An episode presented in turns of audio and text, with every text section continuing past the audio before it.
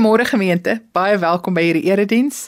Mag die Here ons same sien in sy teenwoordigheid, seën en vir ons versterk en vandag met moed hier laat uitgaan. Kom ons begin ons erediens met die aanroep van Psalm 65 met die opskrif: U laat die mense juig. Vir die koorleier, 'n Psalm van Dawid, 'n lied. Aan U o God, kom 'n lofsang toe in Sion. Geloftes moet betaal word. Aan U wat die gebed verhoor Na U toe sal alle mense kom om hulle skuld te bely. Ons sondes het ons ingehaal, maar U maak ons daarvan vry. Dit gaan goed met die mens vir wie U uitkies en laat nader kom om in U tempel te bly. Laat ons die goeie dinge in U huis in oorvloed geniet, die goeie dinge in U heilige woning. In U trou antwoord U ons met kragtige dade, o God ons verlosser op wie ook die mense in afgeleë lande en op die verre see vertrou. U is met mag omgewe. U laat deur die krag die berge vasbly staan. U laat die gedruis van die see, die geraas van die golwe, die rumoer van die nasies bedaar, sodat ook die mense in afgeleë lande ons sag kry vir die tekens van u mag in die ooste en in die weste. Laat u die mense juig. U sorg vir die land en gee oorvloed. U maak dit baie vrugbaar. Die groot riviere is vol water. U laat die koring welig staan. Alles is u werk. U maak die ploegvore vol water en die kluite nat. U laat hulle sag word van die reëns. U laat alles welig groei. U kroon die jaar met u goeie gawes. Waar u ook gaan, is daar oorvloed. Daar is volop weiding in die woestyn, die bulte juig, die velde wemel van die klein vee. Die vlakte staan vol koring. Hulle juig en hulle sing. Geliefdes, ek groet julle met genade en liefde en vrede in die naam van God die Vader, die Seun en die Heilige Gees. Kom ons sing 'n loflied tot God se eer. Lied 199 wat sê: Loof die Here uit die hemel.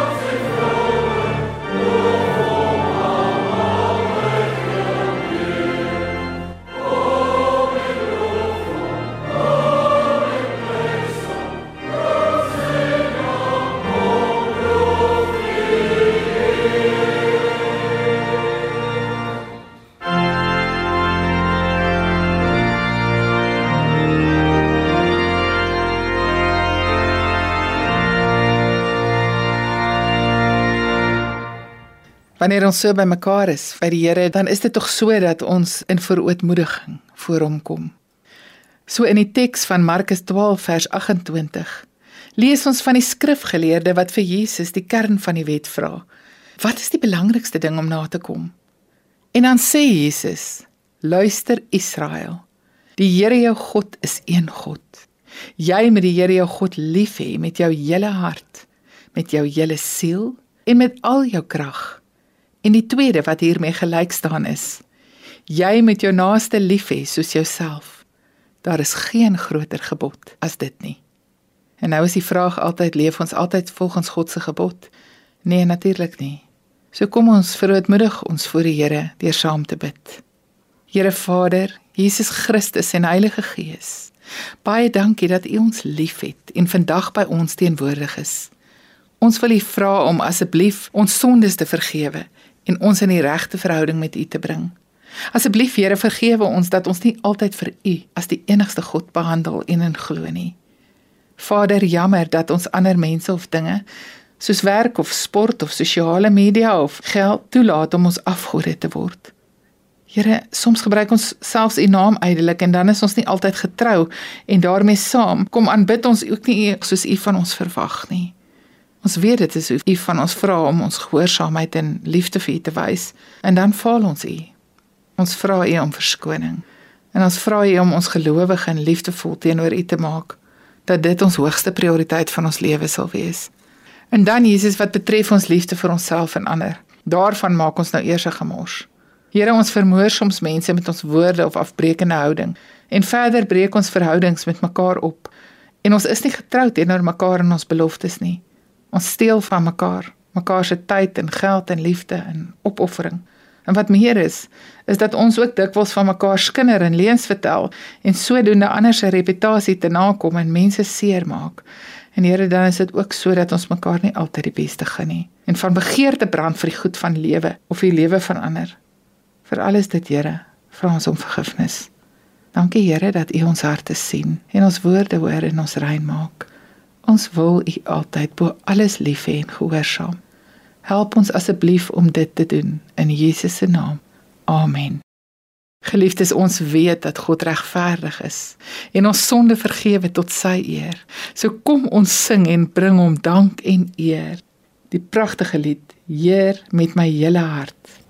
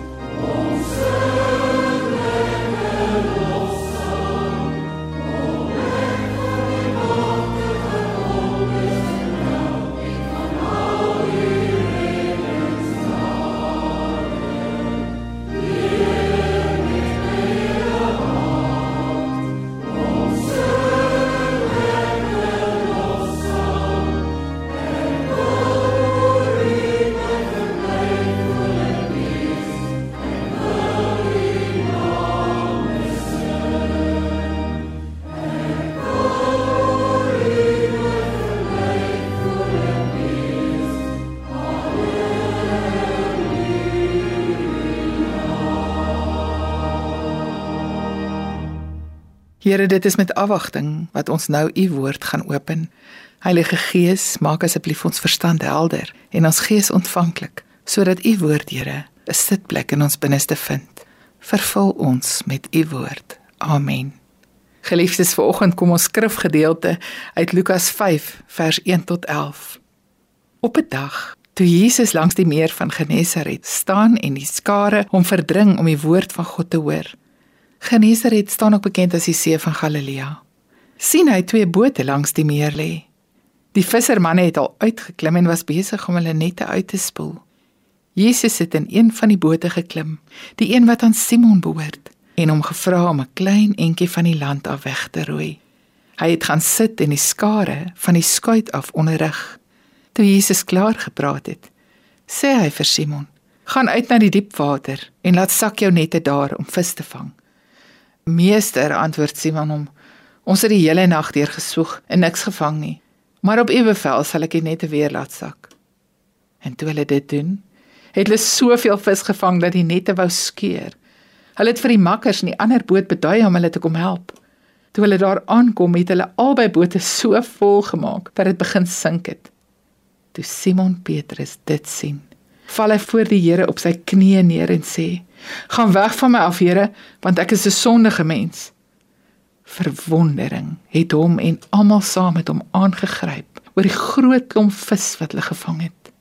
Jakobus en Johannes, Zebedeus se seuns wat saam met Simon gewerk het, was net so verbaas. Jesus het egter vir Simon gesê: Moenie bang wees nie. Van nou af sal jy mense vang. Nadat hulle die bote op die strand getrek het, het hulle alles gelos en hom gevolg. Geliefdes, daar is twee woorde wat ek wil voorstel julle onthou. En dit is om te gaan en om te waag. Gaan en waag. Vandag se lewe is so woes.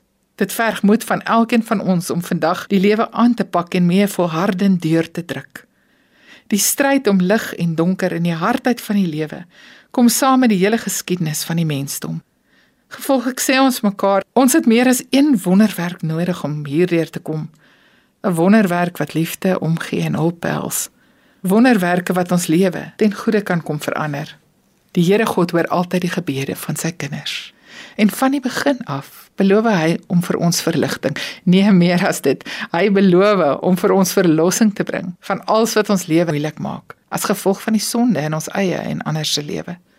Vader God het besluit dat Jesus sy oplossing vir die stikkend en seer en sonde van die wêreld is. En daarom laat hy toe dat Jesus uit die hemel uitgaan en sy lewe op aarde kom waag om ons almal wonderwerkagtig te kom red. In sy koms na die aarde gaan Jesus met sy lewe die lewens van ander mense binne. Hy gaan in hulle midde in om God te wees. Vanweë sy menslikheid en ook ten spyte van sy menslikheid, bring sy kom en gaan groot en sigbare veranderinge in mense se lewe mee. Net so in die lewe van Simon Petrus en die ander manne. Volgens hierdie teks was daar al 'n groot bekendheid by die mense dat Jesus iemand besonders was. Die mense het al bietjie begin besef dat hierdie man anders was as jou gewone skrynwerker. Hy het 'n besondere verhouding met God, want waar hy gaan, bring hy lewe en hoop deur woord en daad. En toe hy op hierdie dag langs die see van Galilea gaan stap, was dit nie net 'n rustige eenkantstraal nie. Die mense het hom van ver af raak gesien en tot teen hom kom stap en hom eintlik op 'n manier oorweldig. En jy weet dit is as daar 'n groot skare mense is. Mense kan tog nie net in die middel van hulle gaan staan en maklik met hulle praat nie. So Jesus wat so 'n praktiese en akkommoderende God is, besluit om in een van hierdie twee vissersbote wat op die strand lê te klim.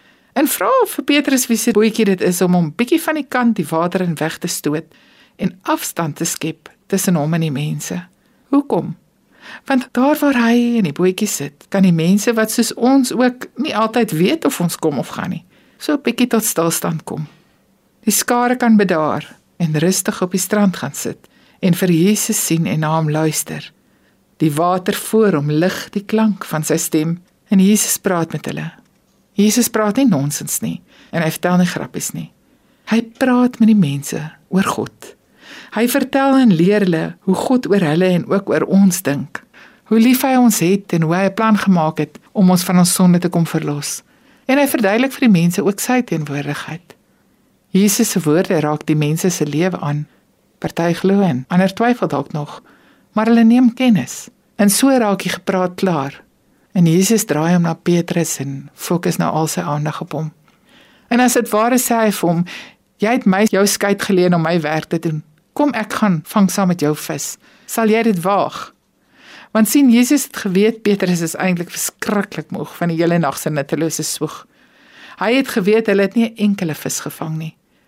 Maar Petrus, ten spyte daarvan dat hy Jesus oor hulle onproduktiewe nag inlig, wag dit. Ja, hy vat Jesus as die groot leermeester op sy woord en hy waag dit om sy nette in die diep water te gaan uitgooi. Selfs al kan die visse in die helder daglig en skoon water die nette sien lê. En dan, dan gebeur die wonderwerk Wanneer daardie klokvormige net met sy gewiggies wat dit aftrek op die water gaan lê, dan vou dit toe oor skole vol vis. En die manne verdrink amper in die poging om die vis opgetrek in die boot te kry, want daar is te veel vis en te min boot. En die manne van die ander skuitjie moet kom help. Petrus besef in sy gewone maar wel ervare vissersmansgemoed wat hier gebeur het. Hy besef dat die Here 'n enorme wonderwerk laat gebeur het om vir hom te voorsien op 'n vlak wat homself as mens nooit nooit sou moontlik wees vir hom nie. En hy val neer en hy aanbid God. Maar meer nog, hy verklaar dat hy te sondig is om in die teenwoordigheid van die lewende God te mag wees. En daarom vra hy vir die Here om maar liewers te gaan om hom te verlaat. Want hy sien hy voel onwaardig en nie belangrik genoeg dat die Here so ruim en wonderlik vir hom en sy behoeftes kom voorsien het nie.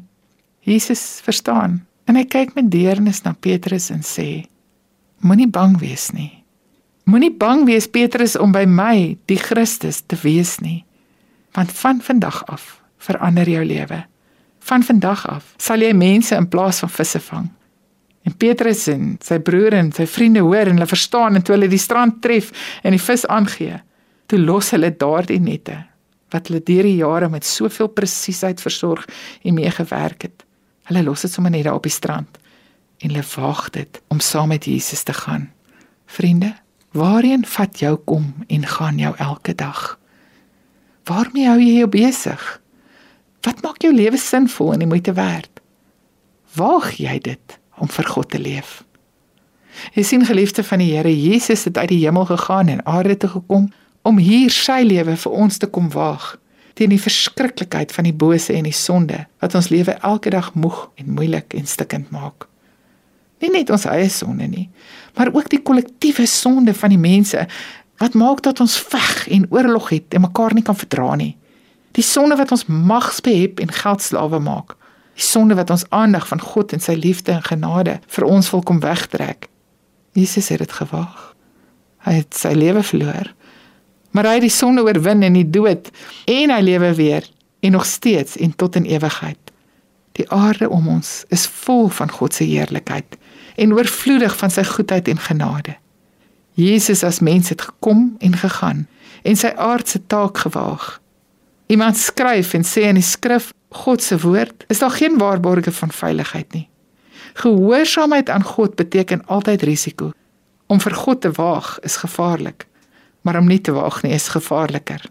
John Piper het gesê the Christian life is a call to risk. You either live with risk or you waste your life. Jesus het dit gewaag en hy kom en daag Petrus en die res van sy gekose disippels uit om dit te waag om hom te volg ten spyte van die gevaar ten spyte van die risiko's. En hulle los alles wat hulle kan en ken, waarmee hulle vertroud is om vir hulle inkomste te gee en hulle gaan agter Jesus aan. En dis eintlik vir die Here van jou en my ook om vra. En die vraag is nou kan ons waag om hom te vertrou? En as ons dit doen en waag om aan hom gehoorsaam te wees en hom te vertrou, sal hy ons nie met die lewe beloon nie? Sal hy ons nie saam met hom neem en sy heerlikheid laat beleef en ons op 'n besondere manier leer en sy vriende maak nie? Hy sal. Die disippels vir wie Jesus gevra het om hom te volg, word die voorbeeld vir my en jou, sodat ons kan weet wat dit is en hoe dit is om intiem saam met die Here te leef. Vanuit 'n aardse perspektief lyk die risiko's te groot en die gevaar te veel maar vanuit die hemelse perspektief kan ons gewoon dit nie waag om nie te waag om hom te volg nie. Geliefdes God is in beheer van die visse in die see, van die wolke in die lug en van alles in die heelal. Ons, die mense maak keuses en te veel mense kies nie God se opsie vir die lewe nie. Te veel mense dink Jesus is 'n lank gelede historiese figuur. En hy is hy. Hy is die lewende God, die opgestane Christus Hy is die een in wie die mensdom hulle geloof en hoop moet plaas. Hy is die enigste oplossing vir die wêreld se sonde en probleme. Daar is nie iets of iemand anders wat ons van hierdie ellendige bestaan of die mag en hou vas van die sonde kan verlos nie. Net die Here kan dit doen. En hy het mense nodig om vir ander mense te gaan haal om ook vir Jesus te kom ontmoet en te waag om te glo en te hoop en ook te gaan en met hulle lewe die Here te volg. Wie dryf jou kom en gaan? Wie is jou rede tot bestaan? Vandag Vandag roep die Here jou en sê: "Volg my. Stap agter my aan." En nou is by die vraag: Sal jy waag om te gaan? Amen. Here ons God in ons klein menslike bestaan, erken ons dat ons vir U nodig het.